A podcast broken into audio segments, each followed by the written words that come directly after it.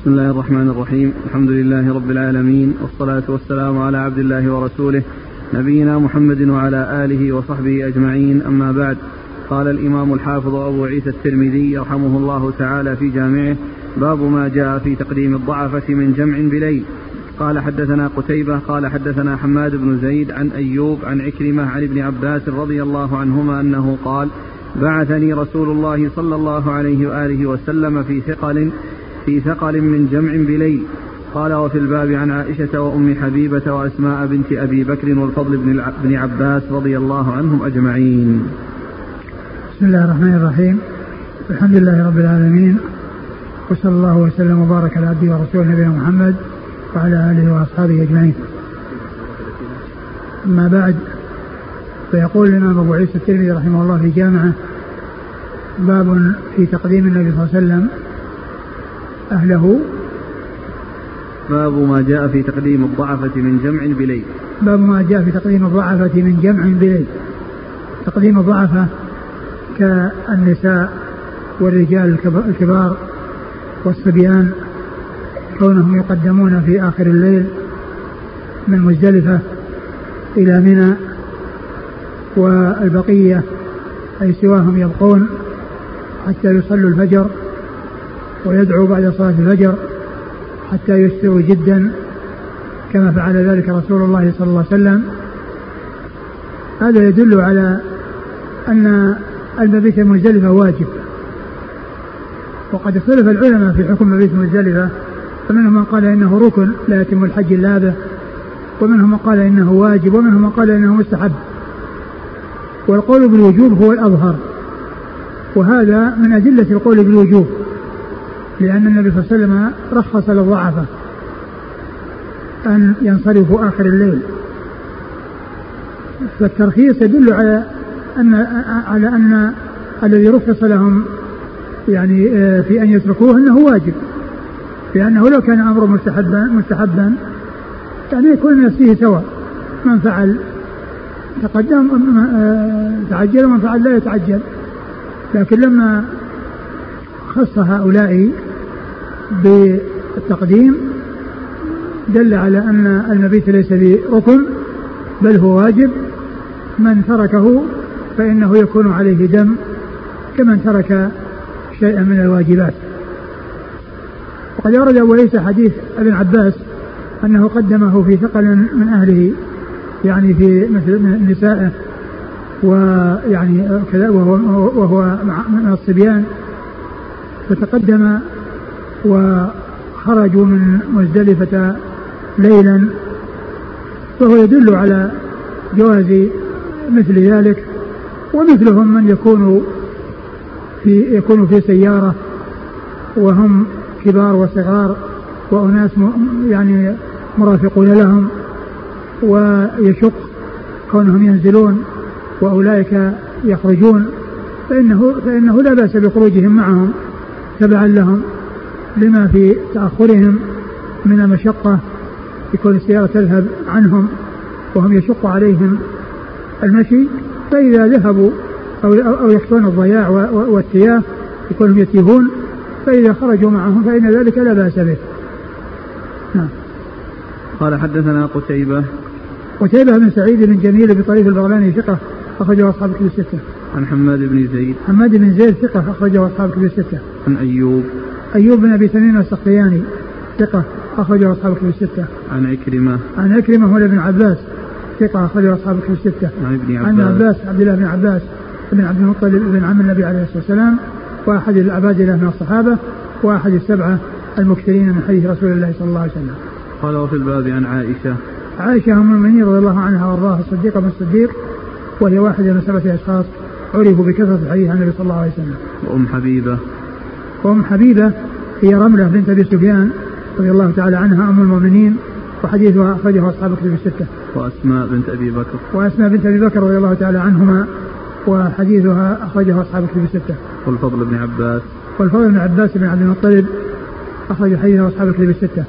قال حدثنا أبو كريب قال حدثنا وكيع عن المسعودي عن الحكم عن مقسم عن ابن عباس رضي الله عنهما أن النبي صلى الله عليه وعلى آله وسلم قدم ضعفة أهله وقال لا ترموا الجمرة حتى تطلع الشمس. ثم ورد حديث ابن عباس من طريق أخرى وأن النبي صلى الله عليه وسلم قدم ضعفة أهله وقال لا ترموا الجمرة إلا بعد أن تطلع الشمس. والذين يخرجون من مزدلفة في آخر الليل متى يرمون؟ ذهب بعض أهل العلم إلى أنهم لا يرمون إلا بعد طلوع الشمس. وذهب بعضهم إلى أنهم يرمون قبل طلوع الشمس وبعد الفجر. وذهب بعضهم إلى أنهم يرمون إذا وصلوا آخر الليل قبل الفجر. وكونهم لا يرمون إلا بعد طلوع الشمس هذا هو الأولى. وإن رموا قبل ذلك سواء قبل طلوع الفجر أو بعده فإن ذلك جائز. لأنه جاء عن بعض آه، أزواجه الذين تقدمنا وأنهن رمينا قبل طلوع الفجر. وهذا يدل على يدل على جواز ذلك. ولكن الأولى أن يكون بعد طلوع الشمس. نعم. قال حدثنا أبو كريب. أبو كريب محمد بن العلاء بن كريب أبو كريب ثقة أخرجه أصحاب كتب الستة. عن وكيع. وكيع بن الجراح الرؤاسي الكوفي ثقة أخرجه أصحاب كتب الستة. عن المسعودي. المسعودي هو عبد الرحمن بن, عبد الله بن عتبة وهو صدوق اختلط قبل موته. صدوق اختلط قبل موته وحديثه. البخاري تعليقا وأصحاب السنن. البخاري تعليقا وأصحاب السنن. عن مقسم عن الحكم. عن الحكم بن عتيبة وهو ثقة أخرجه أصحاب كتب الستة. عن مقسم. عن مقسم مولى بن عباس و وهو مولى لغيره ولكنه قيل مولى بن عباس لملازمته له وهو ثقة أخرج له. البخاري صدوق أخرج البخاري وهو صدوق أخرج حديث البخاري. وأصحاب السنن. البخاري وأصحاب السنن. عن ابن عباس. عن ابن عباس رضي الله عنهما نعم. قال أبو عيسى حديث ابن عباس حديث حسن صحيح والعمل على هذا الحديث عند أهل العلم لم يروا بأسا أن يتقدم الضعفة من المزدلفة بليل يصيرون إلى منى. وقال أكثر أهل العلم بحديث النبي صلى الله عليه وآله وسلم إنهم لا يرمون حتى تطلع الشمس.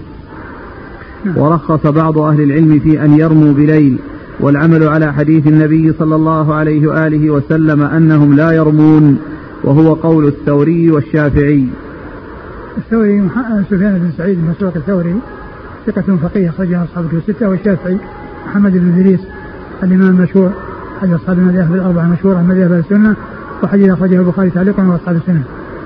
قال أبو عيسى حديث ابن عباس بعثني رسول الله صلى الله عليه وآله وسلم في ثقل حديث صحيح روي عنه من غير وجه وروى شعبة هذا الحديث عن مشاش عن عطاء عن ابن عباس أن النبي صلى الله عليه وآله وسلم قدم ضعفة أهله من جمع بليل وهذا حديث خطأ.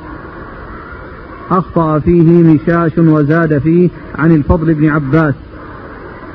آه ثم ورد أبو عيسى يعني بعد ذلك هذا هذه الطريقة الأخرى عن شعبة وشعبة وبالحجاج الواسطي ثقة أخرجه أصحابه في الستة. ومشاش هو؟ مقبول أخرجه النسائي. مقبول؟ نعم. أخرجه النسائي. عن عطاء. عن عطاء عن؟ عن ابن عباس. عطاء بن أبي رباح. ثقة أخرجه أصحابه في الستة. أن النبي صلى الله عليه وسلم قدم ضعف. وفيه زيادة في الفضل. عن عطاء عن الفضل عن ابن عباس. يعني لأنه قال بعد ذلك ها؟ في أصل السند؟ أي نعم لأنه قال زاد ها؟ يكون في سقط. أي نعم في سقط. لأنه قال هنا بعده لأنه زاد.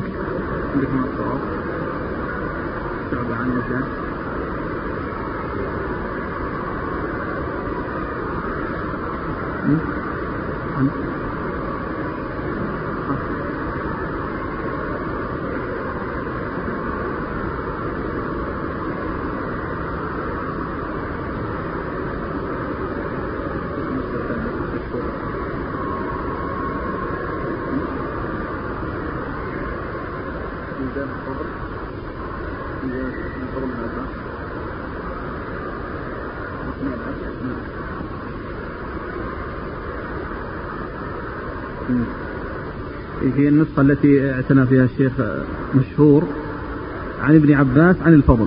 يكون الفضل بعد ابن عباس. اي نعم عن عباس. اي نعم أنا قلت ساقطه من اسناد من النسخ حتى لا نعم بس هو هو, هو قال يعني أخطأ حيث زاد الفضل. زاد الفضل يعني يعني بعد ابن عباس. إيه. بعد ابن عباس أو قبله. لا بعده. لكن قصدي الفضل في نفس الاسناد ساقط من النسخ هذا هو نعم. لأنه نفسه الكلام اللي بعده يدل على أنه سقط. كان أخطأ فيه فزاد يقول وروى شعبة هذا الحديث عن مشاش عن عطاء عن ابن عباس عن الفضل بن العباس. أيوه. أنه بعد ذلك قال فزاد ور... آه... أن النبي صلى الله عليه وسلم قدم ضعفة أهله من جمع بليل وهذا حديث خطأ. أخطأ فيه مشاش وزاد فيه عن الفضل بن عباس.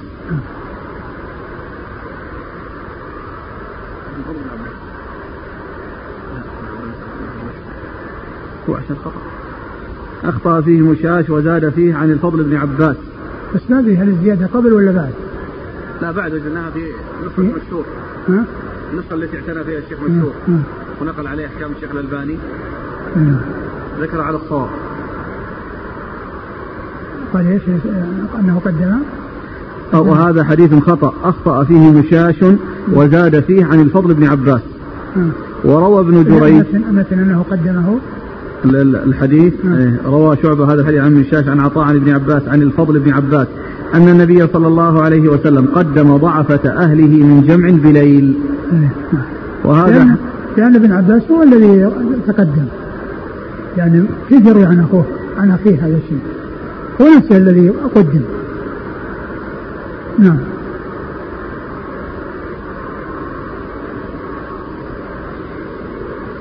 وروى ابن جريج وغيره هذا الحديث عن عطاء عن ابن عباس ولم يذكروا فيه عن الفضل بن عباس. نعم. ابن جريج. نعم. ابن جريج عن مالك بن عبد بن جريج المكي ثقة أخرجه أصحابه في الستة. ومشاش بصري وروى عنه شعبة. نعم.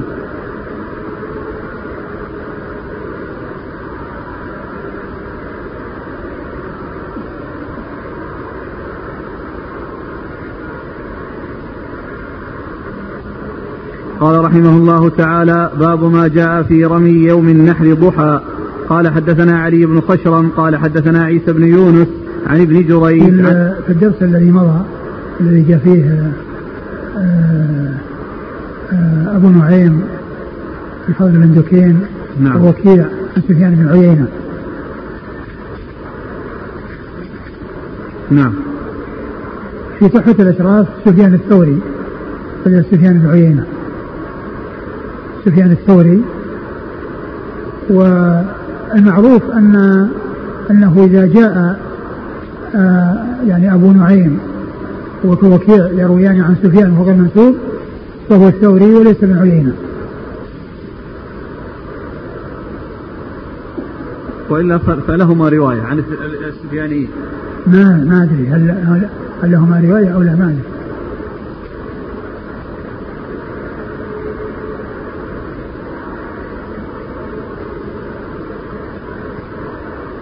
آه إذا الشيء بالشيء يذكر. وفيها ابن عربي ذاك. الزبير. بن عربي. نعم. الذي في حديث دعا رأيت في اليمن. نعم.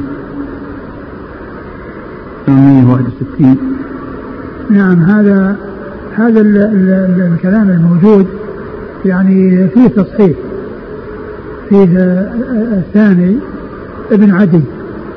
نعم. وكلمة أبو سلمة التي جاءت بعد ابن عدي يعني يبدو الله أنها متأخرة عن تقديم. متأخرة عن مكانها لأنها تابعة للأول. نعم.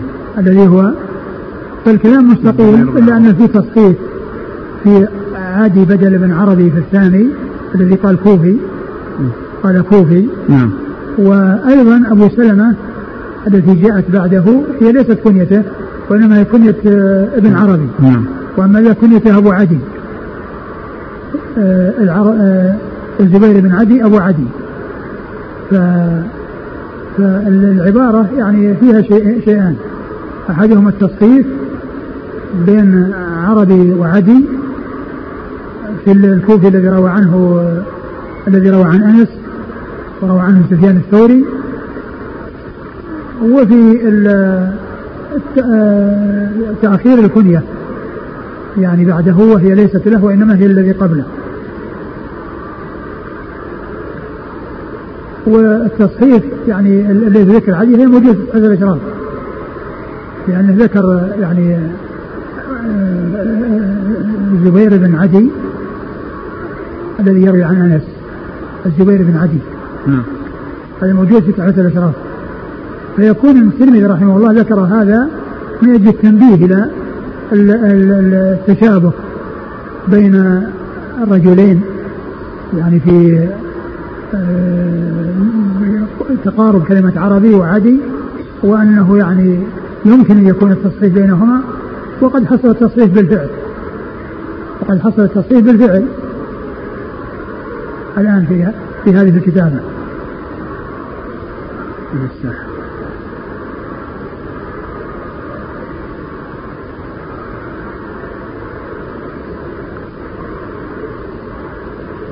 وكذلك ذكره الشيخ ذكره ابن حجر في الطباري يعني إنه ابن عدي. وقد نبه على هذا يعني ال ال بشار الشيخ بشار معروف في نسخته.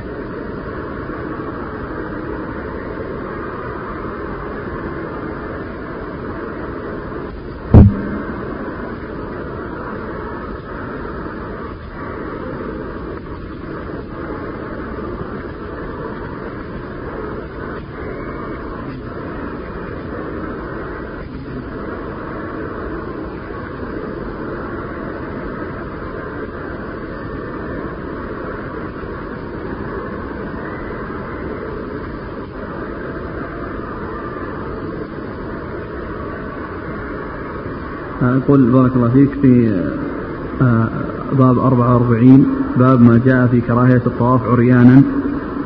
قال حدثنا علي بن خشرم قال أخبرنا سفيان بن عيينة عن أبي إسحاق عن زيد بن أسيع ويقال يسيع. ذكرنا أنه أخرجه الترمذي والنسائي. هكذا في نسخة عادل المرشد. هكذا في نسخة عادل المرشد من التحقيق التقريب. والصحيح ما في نسخة بالأشبال. وهو تاء وصاد. تاء صاد إي. آه. يعني الترمذي والنسائي هناك النسائي. في الخصائص آه. لكن لما راجعنا تهذيب الكمال وإذ ذكر أنه يروي عنه النسائي في الخصائص أيوه. وفي مسند علي. أيوه. يصير الرموز ثلاثة. الترمذي وصاد وخصائص علي وعين سين. النسائي في مسند علي.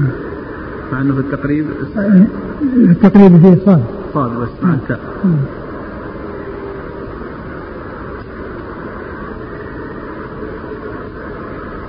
وعادة الحافظ بن حجر ما يكرر الكتب أو رموز الكتب. أو ما يكررها يعني عادة يعني في الغالب يعني كذا.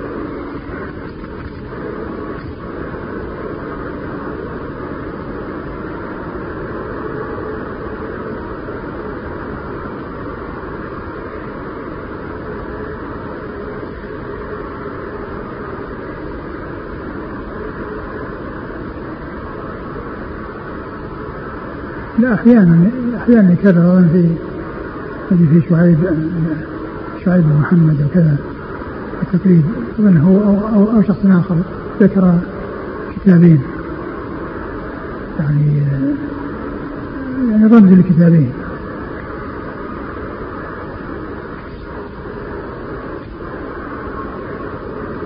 شعيب بن محمد قال البخاري المفرد وراء البخاري في القراءة. اي يعني ذكر شيء. نعم.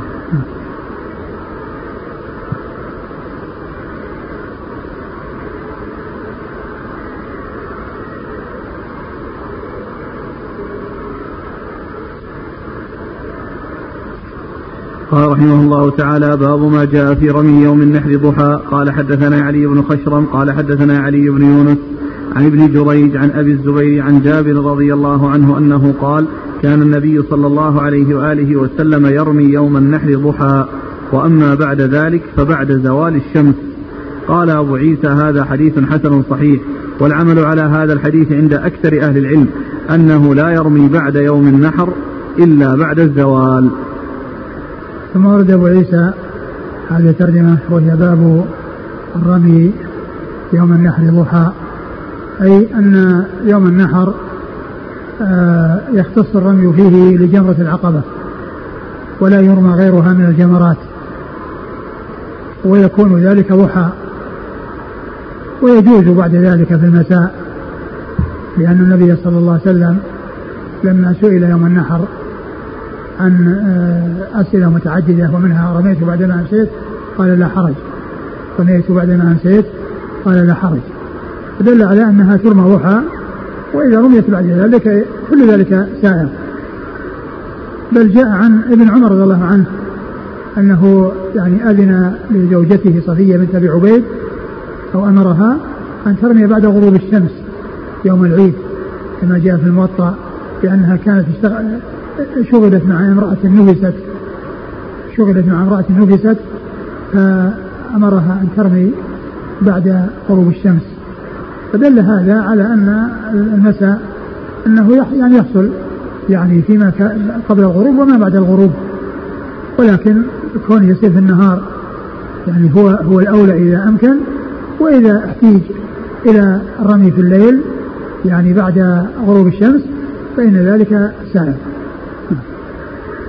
وأما بعد ذلك فبعد وأما بعد ذلك فلا فيكون بعد الزوال لأن الرسول صلى الله عليه وسلم في أيام منى الثلاثة وكان تأخر ولم يتعجل عليه الصلاة والسلام لا يرمي إلا بعد الزوال كان ينتظر الزوال فإذا زالت الشمس رمى.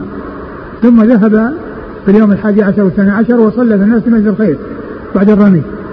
وأما في اليوم الثالث عشر فإنه انتظر حتى زالت الشمس ثم مر بالجمار فرماها واستمر في سيره حتى نزل بالأبطح وصلى فيه الظهر عليه الصلاة والسلام.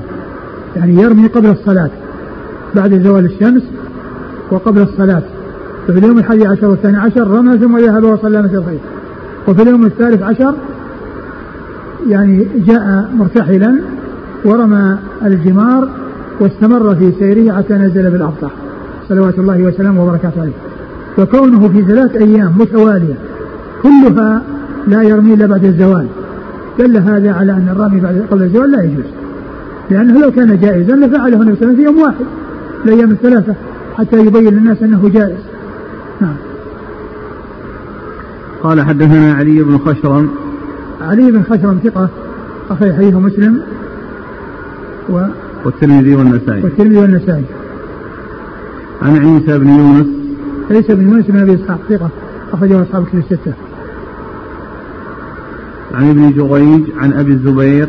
ابن جريج مر هو أبو الزبير محمد بن مسلم بن تدرس المكي صدوق أخرجه أصحاب كتب الستة. وجابر بن عبد الله الأنصاري رضي الله عنهما أحد السبعة المكثرين من حديث رسول الله صلى الله عليه وسلم.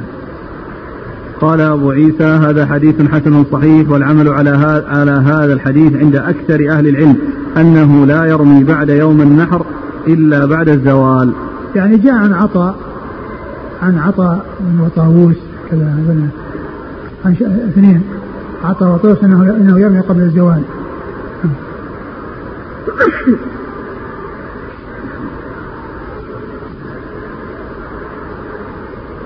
وقولها أكثر أهل العلم يعني كان يشير إلى هذا.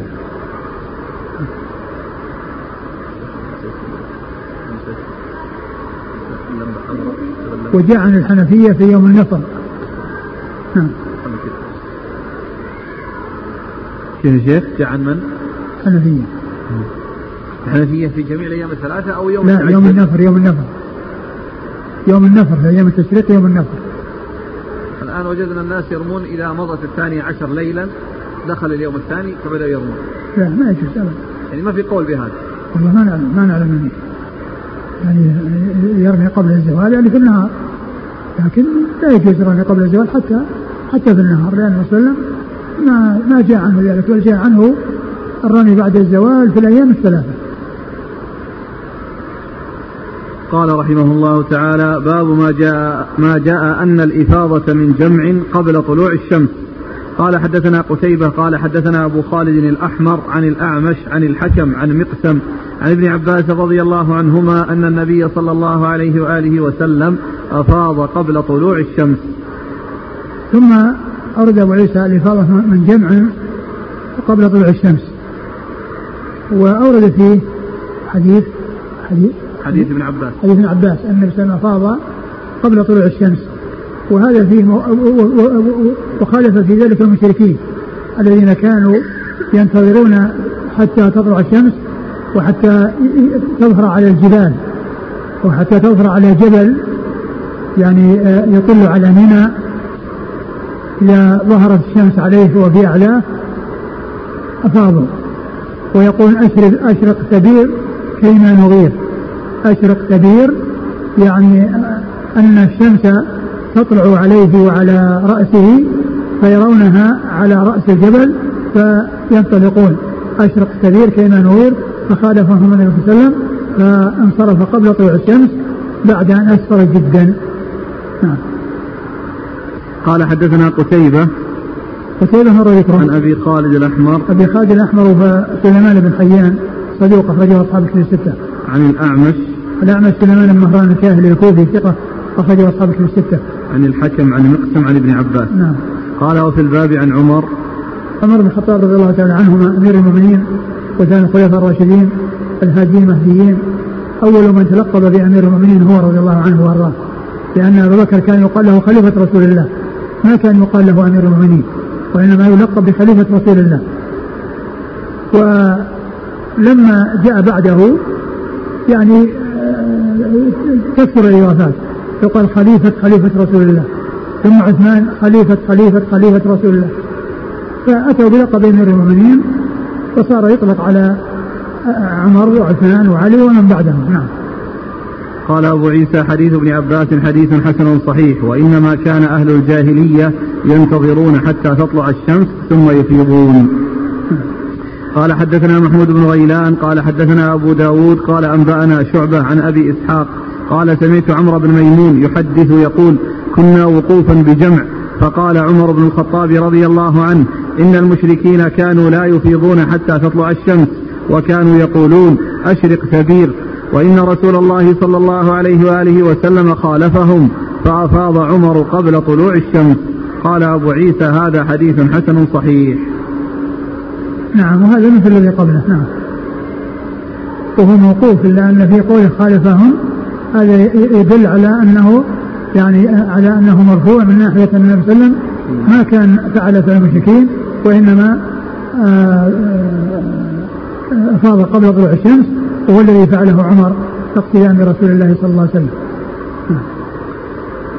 قال حدثنا محمود بن غيلان. محمود بن غيلان الدمشقي ثقة أخرجه أصحاب كتب الستة إلى أبا داود. عن أبي داود. أبو داود سليمان بن داود الطيالسي ثقة أخرجه البخاري تعليقا ومسلم وأصحاب السنة. عن شعبة عن أبي إسحاق.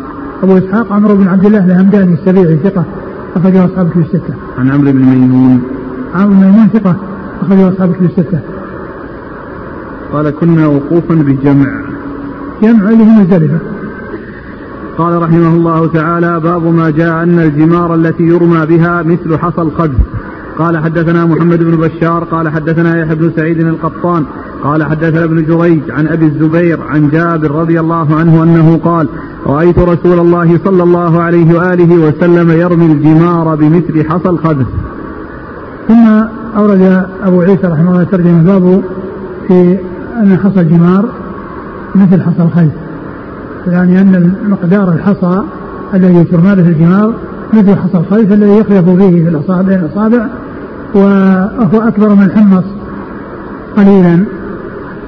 وقد جاء في حديث ابن عباس حديث الفضل أنه لما كان رديف النبي صلى الله عليه وسلم وأمره أن ينزل ويلقط له حصى فلقط له حصى بهذا المقدار وجعل يقلبهن بيده ويقول بهذا فرموا وإياكم الغلو في الدين فإنما أهلك من كان قبلكم الغلو في الدين.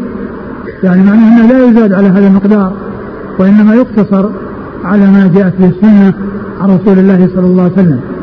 وأورد فيه حديث آه، جابر. نعم. رأيت يرمي الجمار بمثل حصى الخلف. بمثل حصى الخلف. نعم. قال حدثنا محمد بن بشار. محمد بن بشار ثقة أخرج أصحابه في الستة هو شيخ الأصحاب في الستة.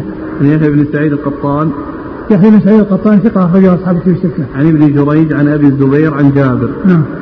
قال وفي الباب عن عن سليمان بن عمرو بن الأحوص عن أمه وهي أم جندب الأزدية.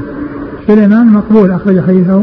أصحاب السنن. أصحاب السنن. وأمه أخرج لها. صحابية أخرج لها أبو داود بن ماجه. صحابية أخرج أبو داود بن ماجه. وابن عباس والفضل بن عباس وعبد الرحمن بن عثمان التميمي. التيمي. عبد الرحمن عبد الرحمن بن عثمان التيمي. أخرج له مسلم وأبو داود النسائي مسلم وأبو داود النسائي وعبد الرحمن بن معاذ. وعبد الرحمن بن معاذ أخرج له أبو داود النسائي أبو داود النسائي قال أبو عيسى هذا حديث حسن صحيح وهو الذي اختاره أهل العلم أن تكون الجمار التي يرمى بها مثل حصى القذف قال رحمه الله تعالى باب ما جاء في الرمي بعد زوال الشمس. قال حدثنا أحمد بن عبدة الضبي البصري قال حدثنا زياد بن عبد الله عن الحجاج عن, الحك عن الحكم عن مقسم عن ابن عباس رضي الله عنهما قال كان رسول الله صلى الله عليه وآله وسلم يرمي الجمار إذا زالت الشمس. ثم ورد هذه الترجمة باب رمي الجمار إذا زالت الشمس. يعني وذلك في أيام التشريق وذلك في أيام التشريق الثلاثة. كل يكون الرمي بعد الزوال في جميع الجمرات. وأما في اليوم الأول فيكون جمرة العقبة فقط وفي الأيام الثلاثة في جميع الجمرات ويكون بعد الزوال. أورد في هذا حديث ابن عباس نعم. أن كان صلى الله عليه وسلم يرمي الجمار إذا زالت كان الشمس. يرمي إذا زالت الشمس. كان يرمي الجمار إذا زالت الشمس. وقد جاء التفصيل يعني في بعض الأحاديث أنه كان يرمي الجمار في اليوم الحادي عشر والثاني عشر آه بعدما تزول ثم يذهب ويصلي بالناس من الخير وأنه في اليوم الثالث عشر رمى ثم واصل السير إلى المحصب الذي هو الأبطح ونزل فيه وهو منزله قبل الحج الذي مكث فيه أربعة أيام. نعم. قال حدثنا أحمد بن عبدة الضبي. أحمد بن عبد الضبي ثقة أخرج حديث البخاري وأصحاب السنة. مسلم. مسلم وأصحاب السنة. عن زياد بن عبد الله. زياد بن عبد الله هو صدوق. صدوق أخرج له. البخاري ومسلم والترمذي والنسائي. البخاري ومسلم والترمذي والنسائي. عن الحجاج. عن الحجاج بن أرطاه وهو صدوق في الخطأ والتدليس. أخرج البخاري المفرد ومسلم وأصحاب السنة. والشارح قال إنه الحجاج بن دينار. وهو ليس الحجاج بن دينار وإنما هو الحجاج بن أرطاه لأن الحجاج بن دينار آه، تحت الإسراف ليس ليس لزياد بن عبد الله رواية عنه وإنما رواية عن الحجاج بن أرطاه وأما اللي فوقه الحكم إيه؟ والحكم روى عنه الاثنان الحجاج بن دينار والحجاج بن أرطاه لكن زياد بن عبد الله روى عن الحجاج بن أرطاه نعم. أخرج البخاري في المفرد ومسلم وأصحاب السنن. البخاري في المفرد ومسلم وأصحاب السنن. عن الحكم عن مقسم عن ابن عباس. نعم. قال أبو عيسى هذا حديث حسن. وفيه يعني شيء آخر وهو أن أنه مر أن أن الحكم أن الحكم لم آه، يروي عن مقسم إلا أحاديث معينة وليس هذا منها لكنه جاء في أحاديث كثيرة أن النبي رمى بعد الزواج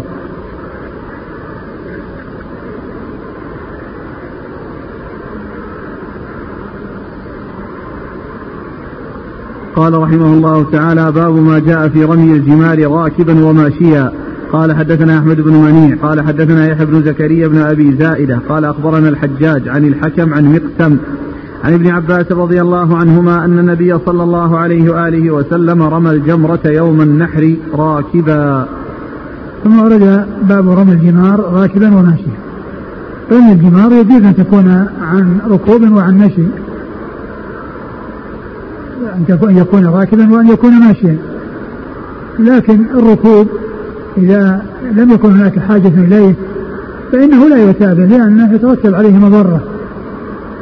وحيث يعني آه، يكون هناك حاجة إليه فإنه آه، يؤتى به. والرسول صلى الله عليه وسلم آه، رمى جمرة العقبة وهو راكب. وأما في الأيام الثلاثة فكان يأتي يمشي ويرمي ويرجع. يعني يرميها ماشيا ويرجع. وبعض أهل العلم قال إن جاء يعني أنه أن الرسول صلى الله عليه وسلم كان جاء راكبا من مزدلفة واستمر حتى وصل جبرة فرماها لأنه جاء راكبا واستمر حتى وصل. وأما في يوم النحر فإنه كان يأتي في أيام التشريق فإنه كان يأتي ويرمي بعد الزوال ويرجع. يعني في اليوم الحادي عشر والثاني عشر وفي اليوم الثالث عشر واصل السير إلى إلى الأبطح. فالحاصل أنه يجوز الرمي راكبا وماشيا ولكن إذا كان الركوب يترتب عليه مضرة فإنه لا يفعل. قال حدثنا أحمد بن منيع. أحمد بن منيع ثقة أخرجه أصحاب كتب الستة. عن يحيى بن زكريا بن أبي زائدة. ثقة أخرجه أصحاب كتب الستة. عن الحجاج عن الحكم عن مقسم عن ابن عباس أن النبي صلى الله عليه وسلم رمى الجمرة يوم النحر راكبا. نعم. قال وفي الباب عن جابر وقدامة بن عبد الله. قدامة بن عبد الله أخرج حديثه. الترمذي والنسائي بن ماجه. الترمذي والنسائي بن ماجه. وأم سليمان بن عمرو بن الأحوص. وأبو؟ وأم سليمان سليمان. ابن عمرو بن الأحوص. نعم. التي تقدمت. أم جندب. نعم. قال أم جندب قال. نعم. قال أبو عيسى حديث ابن عباس حديث حسن والعمل على هذا عند بعض أهل العلم واختار بعضهم أن يمشي إلى الجمار. وقد روي عن ابن عمر عن النبي صلى الله عليه وآله وسلم أنه كان يمشي إلى الجمار ووجه هذا الحديث عندنا أنه ركب في بعض الأيام ليقتدى به في فعله. وكلا الحديثين مستعمل عند أهل العلم. نعم يعني ركوب المشي. قال حدثنا يوسف بن عيسى قال حدثنا ابن نمير عن عبيد الله عن نافع عن ابن عمر رضي الله عنهما أن النبي صلى الله عليه وآله وسلم كان إذا رمى الجمار مشى إليها ذاهبا وراجعا. ثم رجع أبو عيسى آه، يعني حديث ابن عمر أن وسلم كان إذا رمى الجمار يعني أراد رمي الجمار. يعني مشى آه، مشى إليها ذاهبا وآيبا وراجعا. ذاهبا وراجعا. كان إذا رمى الجمار أي أراد رميها مشى إليها يعني ذاهبا وراجعا يعني كان يمشي. وهذا إنما كان في أيام التشريق. وأما يوم النحر فإنه جاء على دابته واستمر في الركوب حتى وصل الجمرة ورماها قال حدثنا يوسف بن عيسى. يوسف بن عيسى ثقة أخرج له. البخاري ومسلم والترمذي والنسائي. البخاري ومسلم والترمذي والنسائي. عن ابن نمير. عن ابن نمير عبد الله بن نمير ثقة. أخرجه أصحاب كتب الستة. عن عبيد الله. عبيد الله بن, عمر العمري المصغر ثقة أخرجه أصحاب الكتب الستة. عن نافع. النافع مولى بن عمر ثقة أخرجه أصحاب الكتب الستة. عن ابن عن عمر ابن عمر رضي الله عنهما أحد العبادلة وأحد السبع المكثرين من حديث رسول الله صلى الله عليه وسلم. قال أبو عيسى هذا حديث حسن صحيح والعمل على هذا عند أكثر أهل العلم. وقال بعضهم يركب يوم النحر ويمشي في الأيام التي بعد يوم النحر. وهذا هو الذي فعله رسول الله صلى الله عليه وسلم. لكن كما هو معلوم عند الحاجة يعني هذا فعله يوم النحر دل على جواز الركوب وهذا دل على المشي والركوب إنما يستعمل للحاجة. حتى اليوم الأخير. حتى اليوم الأخير. قال أبو عيسى وكأن من قال هذا إنما أراد اتباع النبي صلى الله عليه وآله وسلم في فعله. لأنه إنما روي عن النبي صلى الله عليه وآله وسلم أنه ركب يوم النحر حيث ذهب يرمي الجمار ولا يرمي يوم النحر إلا جمرة العقبة. قال رحمه الله تعالى باب ما جاء كيف ترمى الجمار. قال حدثنا يوسف بن عيسى قال حدثنا وكيع قال حدثنا المسعودي عن جامع بن شداد أبي صخرة عن عبد الرحمن بن يزيد قال لما أتى عبد الله رضي الله عنه جمرة العقبة استبطن الوادي واستقبل القبلة وجعل يرمي الجمرة على حاجبه الأيمن ثم رمى بسبع حصيات يكبر مع كل حصاة ثم قال والله الذي لا إله إلا هو من ها هنا رمى الذي أنزلت عليه سورة البقرة. ثم ورد كيف ترمى الجمار. أي أنها يعني فيما يتعلق جمرة العقبة أنه يعني آه، يرميها حيث يجعل مكة عن يمينه عن من عن يمينه ومكة عن شماله. وفي هذا الحديث أنه استقبل القبلة. والصحيح آه، الذي يعني غير هذا الحديث الذي كان جعل مكة من عن يمينه ومكة عن شماله لم يستقبل القبلة. فيكون هذا هو المحفوظ وهذا إما ضعيف وإما شاذ الذي هو آه كونه استقبل القبلة عند رمي جمرة العقبة. فإن الذي ثبت في الصحيح أنه جعل مكة عن يساره ومنى عن يمينه وقال هذا مقام الذي أنزلت عليه سورة البقرة. أي هذا موقف الرسول صلى الله عليه وسلم عندما رمى الجمار. وقوله وذكره سورة البقرة قيل لأنها ذكر ذكر فيها كثير من أعمال الحج. ذكر فيها كثير من أعمال الحج. ولا سيما فيها ذكر الجمار أو الإشارة للجمار وذلك في قول الله عز وجل واذكر الله في أيام معدودات فإن الأيام المعدودات هي أيام منى التي ترمى فيها الجمار. نعم. قال حدثنا يوسف بن عيسى قال حدثنا وكيع عن المسعودي عن جامع بن شداد أبي صخرة. جامع بن شداد هو؟ ثقة أخرج أصحاب الكتب. ثقة أخرج أصحاب الكتب الستة عن عبد الرحمن بن يزيد. عبد الرحمن بن يزيد النخعي ثقة أخرج أصحاب الكتب الستة قال لما أتى عبد الله. عبد الله بن مسعود رضي الله عنه صحابي أخرج حديث أصحاب الكتب الستة لما أتى عبد الله جمرة العقبة استبطن الوادي واستقبل القبلة وجعل يرمي الجمرة عن حاجبه الأيمن. نعم. ثم رمى بسبع حصيات يكبر مع كل حصاة. سبع حصيات هذا يدل على أن الحصى كل حصاة على حدة. وأنه يكبر مع كل حصاة فلا يرمي الحصى الحصى جملة واحدة ولو رماها جملة واحدة فإنه لا يصح. لا يعتبر بمثابة رمية واحدة لأنه هذا الحديث يقول يكبر مع كل حصاة يعني معناه كل حصاة واحدة. كل حصاة يرميها على حدة ويقول الله أكبر. نعم. ثم قال والله الذي لا إله إلا هو من ها هنا رمى الذي أنزلت عليه سورة البقرة. وفيه الاتيان بالحلف للتأكيد. الاتيان بالحلف من غير استحلاف وكذا ويؤتى بها من أجل التأكيد وتحققه الشيء الذي يرويه ويخبر به. نعم. أحسن الله. قوله رمى. أي يخرج الحط؟ لو إنسان نعم نعم. قرب وكذلك الرمي يخرج منه الوضع لو أن الإنسان جاء وقف الحوض وصار يأخذ يضعها. هذا ليس برمي. ولا يصح وإنما يرميها رميا فوضعها أو مجرد وضعها لا يعني لا يعتبر رميا وإنما يعتبر وضعا. والعبرة بالرمي أي المكان؟ الشاخص الناس يرمون العمود لا الرمي ل ل ل في مكان الرمي اللي هو الحوض. والشاخص لم يوضع ليرمى وإنما وضع ليستدل من بعد على مكان الرمي. الذي يأتي من مكان بعيد يعرف مكان رمية. لأن هذا يرمى. لأن لأن الإنسان الذي يرميه يمكن الحصاة يخطئ تروح من الجهة المقابلة وعند ذلك لا يكون رمي. وعند ذلك لا يكون رمي. وإنما الرمي في مكان الرمي اللي هو الحوض وهذا الشخص الواقف لم يوضع ليرمى ويوجه إليه الحصى وإنما ليكون علامة على مكان الرمي من ممن يأتي من مكان بعيد يعرف أن مكان الرمي عند هذا عند هذا الشخص نعم. قال حدثنا هناد قال حدثنا وكيع عن المسعودي بهذا الإسناد نحوه. هناد بن السري أبو السري ثقة أخرجه البخاري في خلق أفعال العباد ومسلم وأصحاب السنة. قال وفي الباب عن الفضل بن عباس وابن عباس وابن عمر وجابر. هناد عن من؟ كله سبق. حدثنا هناد عن وكيع عن نعم. المسعودي. نعم, نعم. وفي الباب عن الفضل بن عباس وابن عباس وابن عمر وجابر. نعم. قال أبو عيسى حديث ابن مسعود حديث حسن صحيح والعمل على هذا عند أهل العلم. يختارون أن يرمي الرجل من بطن الوادي بسبع حصيات يكبر مع كل حصاة.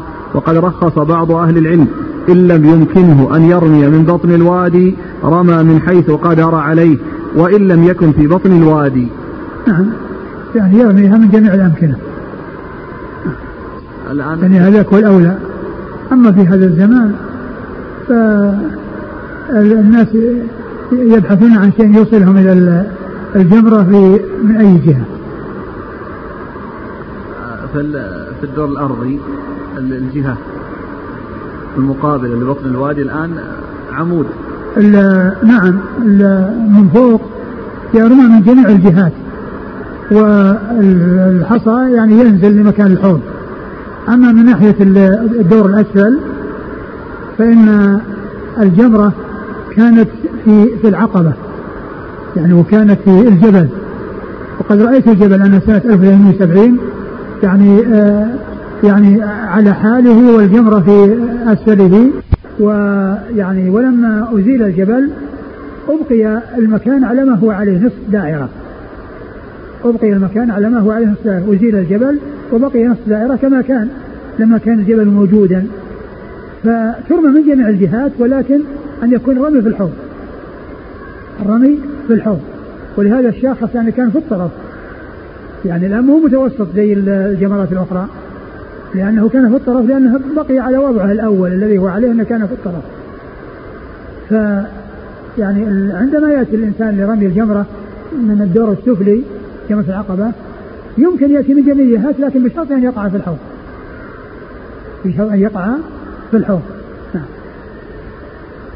قال حدثنا نصر بن علي الجهضمي وعلي بن خشرم قال حدثنا عيسى بن يونس عن عبيد الله بن أبي زياد عن القاسم بن محمد عن عائشة رضي الله عنها عن النبي صلى الله عليه وعلى آله وسلم أنه قال إنما جعل رمي الجمار والسعي بين الصفا والمروة لإقامة ذكر الله. قال حدثنا نصر بن علي الجهضمي وعلي بن خشرم قال حدثنا عيسى بن يونس عن عبيد الله بن أبي زياد عن القاسم بن محمد عن عائشة رضي الله عنها عن النبي صلى الله عليه وعلى آله وسلم أنه قال إنما جعل رمي الجمار والسعي بين الصفا والمروة لإقامة ذكر الله. ثم ورد أبو عيسى حديث عائشة. في الترجمة نفس الترجمة الأولى كيف ترمى الجمار؟ نعم كيف ترجم كيف ترمى الجمار؟ آه، أورد في حديث حديث عائشة. حديث عائشة أن قال إنما جعل رمي الجمار والسعي بين الصفا والمروة لإقامة ذكر الله. وهذا ما في بيان كيفية رمي الجمار. ليس فيه شيء يتعلق وإنما فيه يعني رمي الجمار فقط. أما الكيفية فليس في الحديث يعني ما يدل على ذلك. وحديث ابن مسعود الذي مر هو الذي فيه بيان الكيفية وأنها تكون من جمرة العقبة آه، آه، بالمكان الذي آه، قال إنه مقام النبي صلى الله عليه وسلم وأنها ترمى كل حصاة واحدة وأنه يكبر مع كل حصاة. فهذا هو الذي فيه بيان كيفية. أما هذا ليس في بيان كيفية وإنما بيان فيه مشروعية ذلك وأنه لإقامة ذكر الله. وكل أعمال الحج يعني هي لإقامة ذكر الله لأن فيها ذكر الله. نعم. قال حدثنا نصر بن علي الجهضمي. نصر بن علي الجهضمي ثقة أخرج أصحاب الكتب وعلي بن خشرم عن عيسى بن يونس عن عبيد الله بن أبي زياد. عبيد الله بن أبي زياد هو؟ ليس بالقوي. ليس بالقوي أخرج له أبو داود والترمذي بن ماجه. أبو داود والترمذي بن ماجه. عن القاسم بن محمد. ابن أبي بكر الصديق وهو أحد الفقهاء السبعة في المدينة. في عصر التابعين وحديثه أخرجه أصحاب الكتب عن عائشة. عن عائشة رضي الله عنها نعم. قال أبو عيسى وهذا حديث حسن صحيح.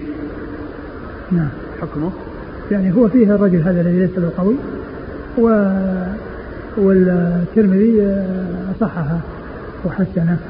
ولكنه من ناحية إن كونه معناها صحيح. كلها لإقامة ذكر الله وغير هذا ذكر الله عز وجل. لكن الترجمة التي أورده فيها لا لا يدل عليها.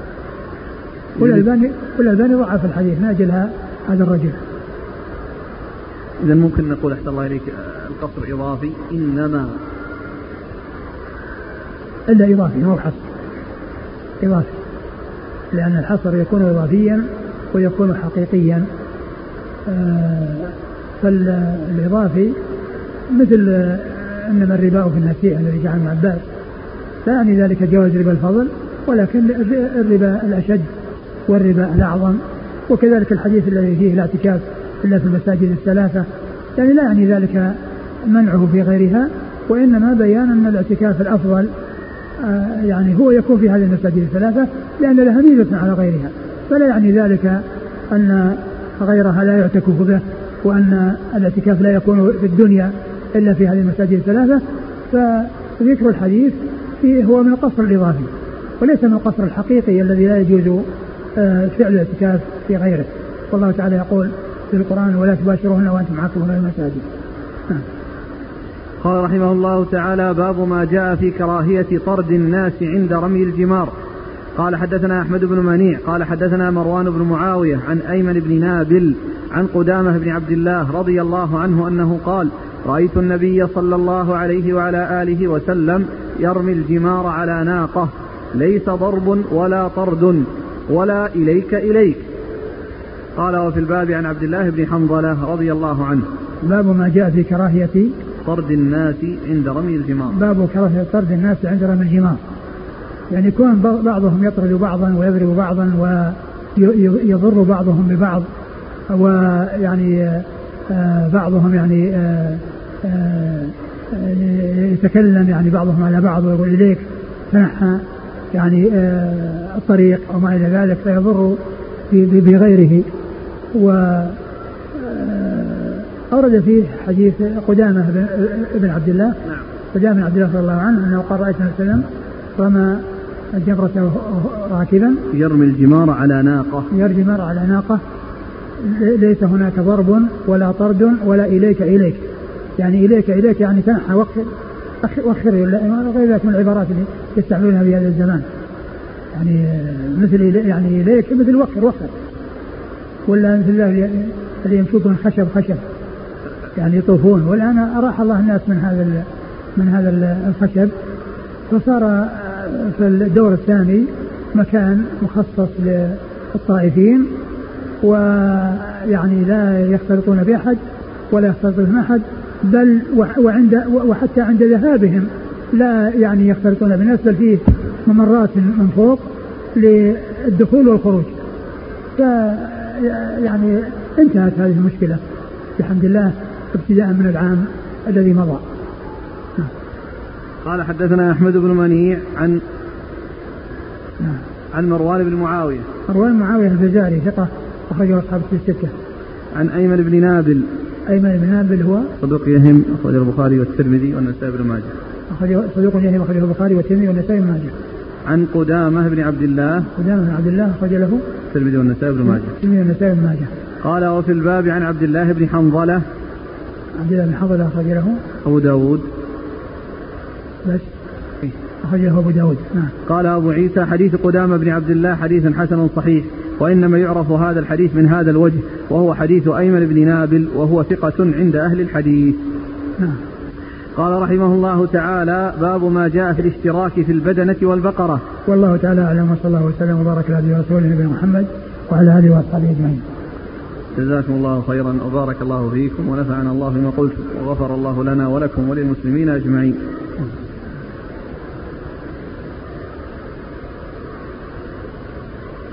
عفى الله عنك. يقول السائل هل يجوز أن يكون الخروج من مزدلفة إلى مكة لأداء طواف الإفاضة؟ يجوز يجوز لأن التقديم والتأخير يعني في أعمال يوم النحر الأربعة ثبت عن رسول الله صلى الله عليه وسلم. فإذا كان مثلا بعض الناس معهم نساء يخشون يعني الحيض عليهن وأنهم يحبسنهم وذهبوا ورموا وطافوا لا بأس بذلك. وهذا يقول متى يبدأ وقت الرخصة للضعفة بالخروج من مزدلفة؟ يقول في أي ساعة من الليل؟ في آخر الليل. في آخر الليل. والعلماء قالوا أنه يكون بعد نصف الليل لأن إذا ذهب نصفه إذا ذهب نصفه وكان في النصف الثاني يعني حصلت الأكثرية. ويعني وهكذا المبيت بمنى يعني يعتبر المبيت أكثر الليل وأغلب الليل أكثر من النصف. ولكن كون الإنسان يذهب في آخر الليل يعني عند غيبوبة القمر يعني هذا هو الذي جاء في بعض الأحاديث. نعم. يقول ولكن إذا كان قبل قبل طلوع الفجر قبل نصف الليل هذا بلا شك ترك المبيت. لأن أكثر أكثر الليل وهو خارج من الزللة وإذا كان خروجه بعد نصف الليل ما في شيء لأن أكثر لأن المبيت تحقق بأكثره. نعم. يقول قائد الضعفة. هل يرمي معهم أم يتأخر إلى الضحى؟ الأولى أن يتأخر إلى الضحى وإن رمى معهم ما في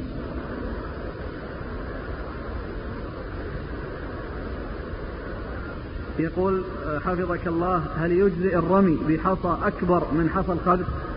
نعم يجزي ولكن الإنسان يقول هل يجوز الرمي بحصى أكبر من حصى الخبز مثل البيضة حجمها؟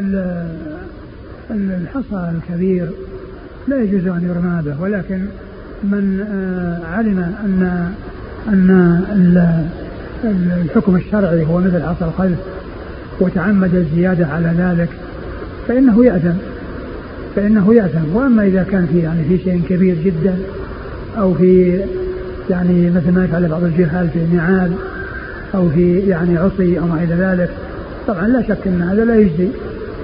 نعم. يقول حفظك الله هل التكبير مع الرمي شرط لصحة الرمي؟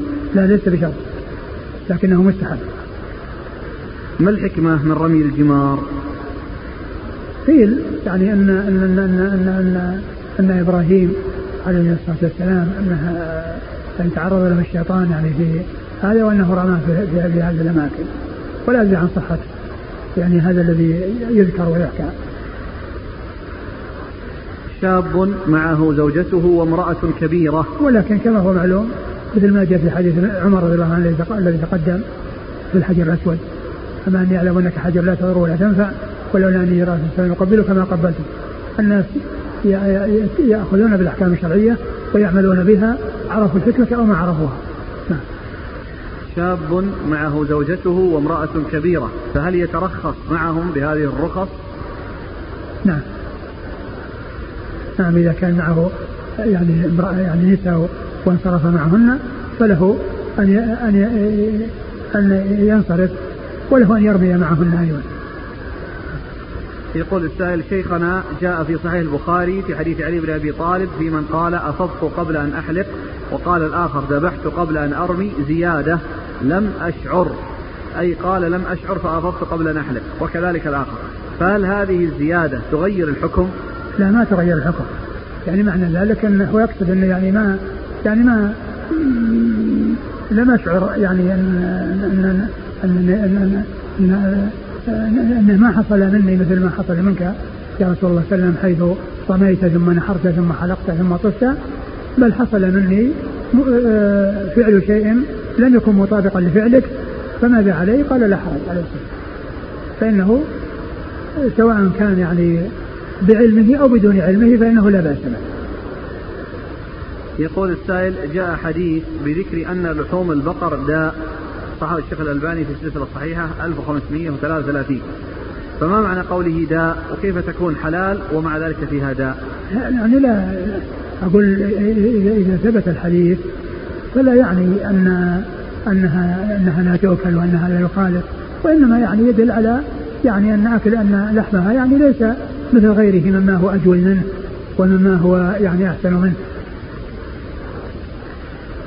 فائدة يقول شيخ الإسلام منقولة من المجموع فتاوى المجلد 24 صفحة 85 روى عبد الرزاق قال أخبرنا معمر عن الزهري قال إنما صلى عثمان رضي الله عنه بمنى أربعا لأنه قد عزم على المقام بعد الحج. ورجح الطحاوي هذا الوجه. مع أنه ذكر الوجهين الآخرين فذكر ما رواه حماد بن سلمة عن أيوب عن الزهري قال إنما صلى عثمان بمنى أربعا لأن الأعراب كانوا كثيرا أو لأنهم كانوا قد كثروا في, في ذلك العام. فأحب أن يخبرهم أن الصلاة أربعا. نعم هذا هذا الوجه المشكور الأخير هذا. وأما ذاك يعني كما هو معلوم فإن يعني من الإنسان لا يزال منتقلا ويعني من مكان إلى مكان والإقامة إنما تكون مكة وليست في منى. الإقامة إنما تكون مكة وليست منى. فيعني عرفة ومزدلفة ومنى كلها كلها يعني في سفر وفي وفي نسك. وإنما الإقامة تكون بمكة يعني إذا دخل مكة وأراد أن يبقى فيها مدة هذا هو. فما أدري إيش وجه هذا يقول روى عبد الرزاق عن إيش؟ عن من؟ عن معمر. عن نفس الكلام عن الزهري. قال إنما صلى عثمان بمنى أربعا لأنه قد عزم على المقام بعد الحج. ورجح الطحاوي هذا الوجه. مع أنه ذكر الوجهين الآخرين فذكر ما رواه حماد بن سلمة عن أيوب عن الزهري قال إنما صلى عثمان بمنى أربعا لأن الأعراب كانوا قد كثروا في ذلك العام فأحب أن يخبرهم أن الصلاة أربعة لعل هذا هو الأقرب. وأما القول بأنه عازم على المقام هذا يكون بمكة. وأما منى فإنه لا يزال متصل في السفر وذكر وجه أنه أنه قد تأهل. يا شيخ نعم. ما ذكر وجه آخر لأن عثمان قد تأهل بمكة فرأى أنه أصبح من أهلها. ما أذكر. وبعدين كما هو معلوم يعني منى يعني آه، هي من جملة المشاعر ومن جملة الأماكن التي يتنقل فيها يعني وبعد منى البقاء يكون بمكة. من عزم عليه وأراد أن يبقى أكثر من أربعة أيام فهذا هو الذي يتم. وأما عثمان رضي الله عنه ما عرف يعني يعني شيء يدل على مقصوده ولكن أقرب ما يقال هو آه، خشية من الأعراب يعني يفهمون أن الصلاة يعني ركعتين بدل ما كانت أربعة. هذه عنوانها صاحبها لطيفة. من الشرح الممتع على زاد المستقنع للعلامة بن عثيمين قال رحمه الله ورحم الله شيخنا والقارئ والسامعين. قال في المجلد السابع صفحة 255 وقد قال النبي صلى الله عليه وآله وسلم لعائشة لولا أن قومك حديث عهد بكفر الحديث لكن ترك ذلك خوفا من الفتنة إلا أن الله سبحانه حقق ما أراده الرسول صلى الله عليه وآله وسلم بدون مضرة. فلو أنها بنيت على قواعد إبراهيم وجعل لها باب يدخل منه الناس وباب يخرجون منه لهلك الناس ولا سيما في الأزمنة الأخيرة حيث يتقاتلون على ما هو دون الكعبة بكثير. فما ظنكم؟ لو دخل الناس من هذا الباب والكعبة مسقوفة وضيقة لأهلك الناس بعضهم بعضا. ولكن حصل مراد رسول الله صلى الله عليه وسلم بهذا الحجر. فجعل فجعل للحجر أو جعل الحجر وهو من الكعبة جعل للحجر بابان. باب يدخل منه الناس وباب يخرجون منه. مع كونه مكشوف مكشوف الفضاء فانتفى الضرر مع حصول المقصود. وهذا من حكمة الله عز وجل ورحمته. بقيت فائدة أظن الوقت يقصر عنها. شكر الله لك وبارك الله فيك.